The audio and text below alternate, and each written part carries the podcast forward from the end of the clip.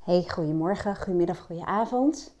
Nou, als je mij een tijdje volgt, dan ehm, heb je waarschijnlijk meegekregen dat uh, Aaron en ik, Aaron is mijn vriend, in een verbouwing zitten. Een uh, behoorlijke grote verbouwing van ons uh, huis, ons droomhuis in Wording. En um, een verbouwing is over het algemeen natuurlijk van tevoren goed uitgedacht, maar iedereen die wel met een verbouwing of met nieuwbouw uh, te maken heeft gehad, weet ook wel dat, uh, dat je niet alles kunt voorzien. En dat er vaak dingen net even anders gaan of dat ze dingen tegenkomen. En uh, nou ja, dat het ook vooral schakelen is. En gelukkig hebben we daarvoor een goede aannemer die dat allemaal voor ons coördineert. Ik moet er niet aan denken om dat zelf te doen. Ik krijg gewoon een plofkop als ik er alleen al naar kijk hoe die aan het coördineren en schakelen is. En mensen van een ander project haalt om uh, extra bij ons te komen en andersom. En nou, petje af in elk geval. En... Ehm, ja, als je mij uh, volgt of kent, dan weet je ook dat uh, ja, heel veel mensen in mijn omgeving en ik zelf eigenlijk ook wel zeggen dat ik ook echt wel een soort van autistische kant heb. En nou ja, dat zit op zich ook in de families, dus dat, dat, um, dat is niet zo heel erg raar. En wat bedoel ik daar nou mee? Ik merk, ik um, heb heel erg behoefte aan een soort basis, noem ik het altijd maar. Um, waarin uh, een bepaalde routine zit, ritme, dingen liggen op zijn plek. Ik heb bepaalde systemen. Ik probeer altijd alles waar wat regelmatig voorkomt, uh, te kijken of ik de handelingen kan verminderen. Of daar iets slims voor kan bedenken, waardoor het makkelijker gaat. Noem het allemaal op. En dat geeft mij een bepaald gevoel van, ja, misschien wel rust of overzicht. En een goede start in elk geval. En... Um, aan de andere kant heb ik juist heel erg dat ik uh, hou van spontaniteit en avontuur en, en uh, niet heel erg van sleur hou. Dus het ook heel erg fijn vind als dat doorbroken wordt. En nieuwe impulsen, noem het allemaal maar op. En daar moet een soort van balans in zijn. Die twee moeten elkaar dienen in plaats van uh, dat dat conflicteert. En wanneer conflicteert het? Conflicteert op het moment dat er bij wijze van spreken te veel routine en rust en regelmatig, regelmatig, regelmaat, nummer drie, is. En uh, dat kan ook conflicteren als er te veel uh, reuring is, of te veel uh, variabelen, of te veel um, veranderingen, zeg maar. Of ja, dat. Nou, en een verbouwing is nou, voor mij de ultieme training. Oh, ik zie allemaal eekhoorntjes. En dikke duiven. Ik zit overdag nu in een vakantiepark. Want um, dat is voor mij, nou ik ga ik zo meteen vertellen waarom ik dat doe. Want daar gaat eigenlijk deze hele podcast over. Want uh, ja, zo'n verbouwing, ja, die daagt mij wel uit. Dat is echt wel ultieme training om, um, ja, om te voorzien in die behoeften aan die basis. En ik, vind, ik ben natuurlijk ook coach. Ik vind het ook heel leuk en interessant. En ik kijk ook wat er dan bij mezelf gebeurt. En ik deel dat ook met jullie om, nou ja, om te kijken. Misschien willen jullie er ook wat aan. Want echt uh, ten eerste um, merkten we al op de eerste dag dat uh, de plavuizen vloer ging eruit. En er zou dan vervolgens uh, nieuwe vloerverwarming worden ingevreesd. Alleen toen stuitten ze op een dubbel gebakken dikke tegellaag eronder.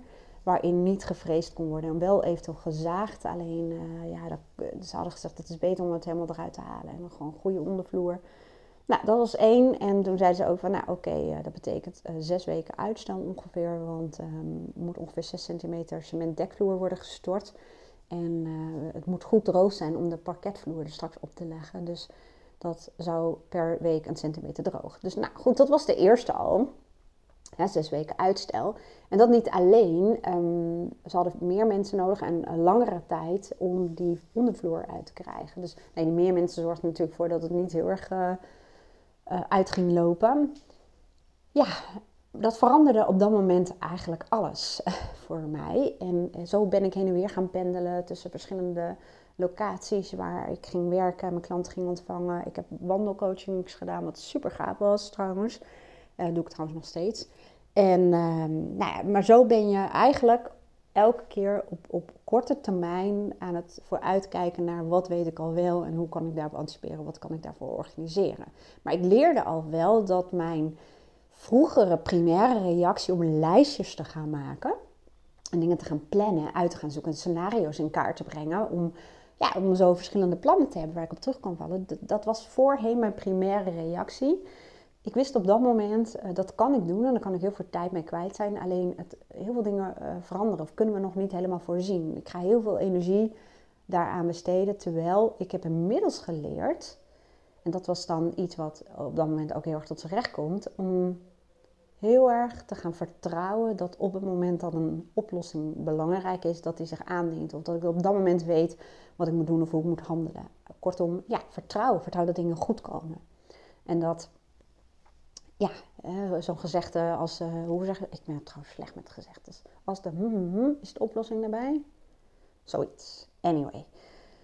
En wat ik toen heb gedaan, um, ik ben gewoon heel bewust gaan kijken hoe kan ik de belangrijkste behoeften en waarden van mezelf, zullen we maar zeggen, hoe kan ik daarvoor zorgen in een context waarin heel veel dingen veranderen. Dus, en dat lukte niet altijd, hè, want ik ben ook een keer in mijn vorige podcast uit mijn plaat gegaan. Toen merkte ik, oh ja, nu, nu, nu is, is het echt duidelijk wel een disbalans. Maar ik ben gaan kijken hoe kan ik daarvoor zorgen? Wat zijn belangrijke dingen voor mij? En dat betekent bijvoorbeeld dat onze leefomgeving, dat ik die gewoon netjes en schoon en opgeruimd hield. Of nou, niet ik, maar wij allebei, Aaron heeft dat ook. Ehm, dat ik zorgde voor een prettige, comfortabele plek om met mijn klanten te zitten. Dat ik um, uh, open communiceerde met mijn klanten over de mogelijkheden. Ze daarin een keuze liet maken. Uh, ja, nou, gewoon dingen die voor mij belangrijk zijn. En zoals nu, um, overdag zijn er zoveel mensen in ons huis bezig met lawaai en dingen. En uh, de vorming gaat ook vaak eraf. Nu wat minder, omdat de vloer natuurlijk moet opdrogen. Dat ik dacht, ja, dat, dat wordt niet wat om elke keer daar te gaan zitten werken overdag. En dan weer naar een andere locatie of wandelcoaching te doen. Ik, ik moet even kijken, hoe kunnen we dat nou slim organiseren? Dat er iets meer stabiliteit is. Dus wat we hebben gedaan, een paar minuten verderop van ons huis. We hebben een huisje gehuurd en daar werk ik overdag. Ik heb ook al uh, klanten hier uh, ontvangen. En um, ja, dat is fijn. Het is midden in het bos. Het is vlakbij, dus ik kan zo tussendoor even naar huis. We, uh, we zijn s ochtends vroeg daar al een van ons om de mensen te ontvangen en even wat dingen af te stemmen. En voordat ze weggaan, dan zijn we er ook. En tussendoor kunnen we eventueel samen, Aaron en ik, even kijken met onze agenda's. En ook al is dat natuurlijk nog steeds wel heel veel, maar we hebben één stabiel ding. Ik kan hier lekker werken. Het is hier lekker warm. Het is een prachtige omgeving. Ik zie overal eekhoorntjes. En um, het is prettig voor mijn klanten hier te zeggen allemaal, oh heerlijk, ik krijg echt vakantiegevoel. En uh, ja, wat leuk. En, uh, ja, en als het niet leuk is, dan gaan we gewoon kijken wat de mogelijkheden zijn. Dus wat ik daarmee ook wil zeggen, dat um, we hebben heel veel dingen niet in de hand. En we kunnen plannen wat we willen en scenario's uitwerken wat we willen. Maar wat mijn ervaring wel van is, en ook wat ik hoor van heel veel klanten van mij, dat heel veel dingen toch uiteindelijk net even anders uitpakken. En dat uh, niet alles te voorzien is. Niet alles is ook cognitief of rationeel dicht te timmeren. En als je ook een goede balans hebt tussen weten waar je op dat moment invloed op hebt en wat de mogelijkheden zijn, en weten waarin je je eigen vertrouwen mag aanboren en niet alleen vertrouwen in jezelf, maar ook in je omgeving en in oplossingen die tot je komen. En hulpbronnen, hè, mensen om je heen die, die met, uh, met oplossingen komen. Dan wordt het leven een stuk relaxter, een stuk makkelijker. En sinds ik dat eigenlijk kan doen, merk ik ook echt dat zelfs zo'n verbouwingsperiode, ja, die volgens mij zelfs in de top 5 staat van de meest stressvolle gebeurtenissen, um, dat ik die heel lekker doormaak.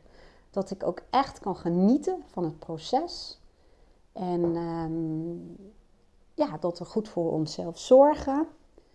En uh, ja, dat ik gewoon heel erg veel uh, vertrouw.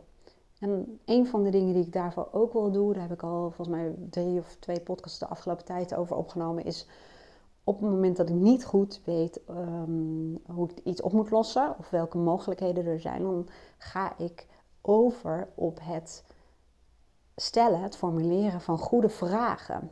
En dan vertrouw ik erop dat mijn brein, en ik werk ook wel met de theorie van de wet van aantrekkracht, hè, dat, dat werkt voor mij ook heel goed, omdat me dat het gevoel geeft dat niet alles door mij in mijn brein verzonnen hoeft te worden, maar sommige dingen ook gewoon, ik zit weer te kijken naar een eekhoorntje, opgelost worden, of dat oplossingen zich aandienen, of dingen samenvallen.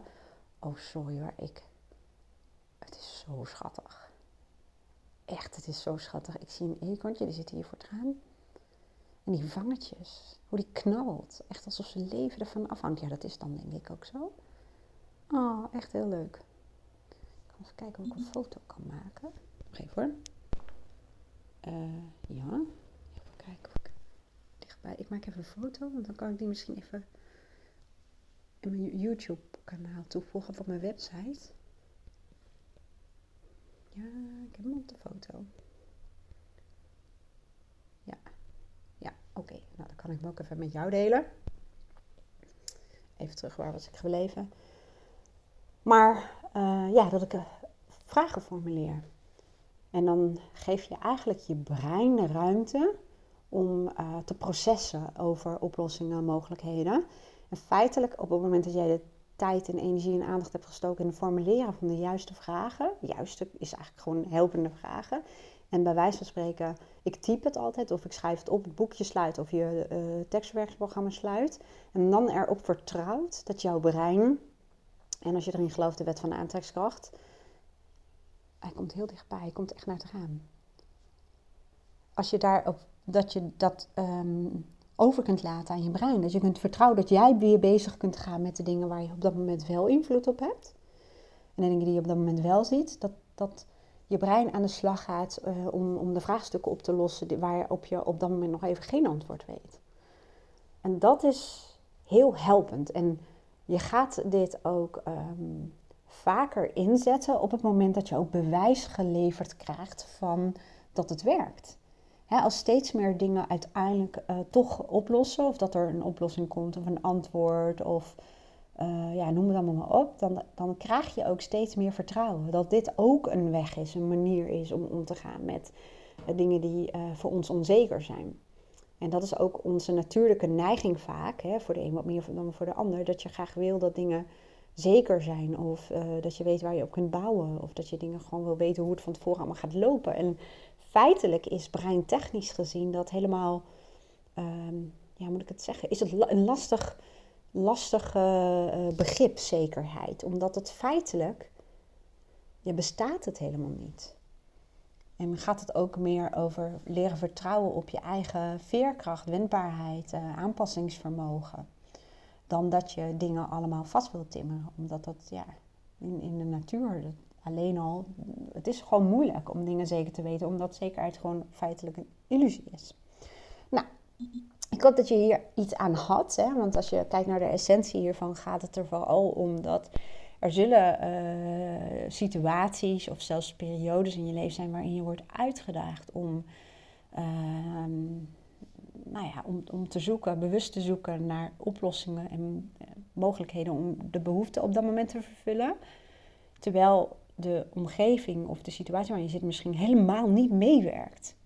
Zoals dus zo'n verbouwing, om het zo te zeggen. En ja, dan is het goed om heel bewust te kijken, wat zijn je belangrijkste behoeften? Hoe kun je daarin voorzien? En hoe kun je een goede balans hebben tussen enerzijds kijken waar heb ik invloed op en waar kan ik eventueel een scenario voor uitwerken, een plan voor bedenken. En welke dingen ga ik leren vertrouwen op de potentie bijvoorbeeld van je brein of uh, dat oplossingen en mogelijkheden naar je toe zullen komen. Nou, mocht je deze podcast uh, helpend vinden, ik vind het leuk om eens te horen van je. Uh, ook hoe mijn podcast je helpen, welke inzichten je daardoor krijgt. En uh, dat kun je eventueel in Apple Podcast bijvoorbeeld onderaan zetten. Ik lees dat wel. Ik heb geen Apple-telefoon, maar ik heb wel een iPad. Dus dan kan ik het even gaan lezen.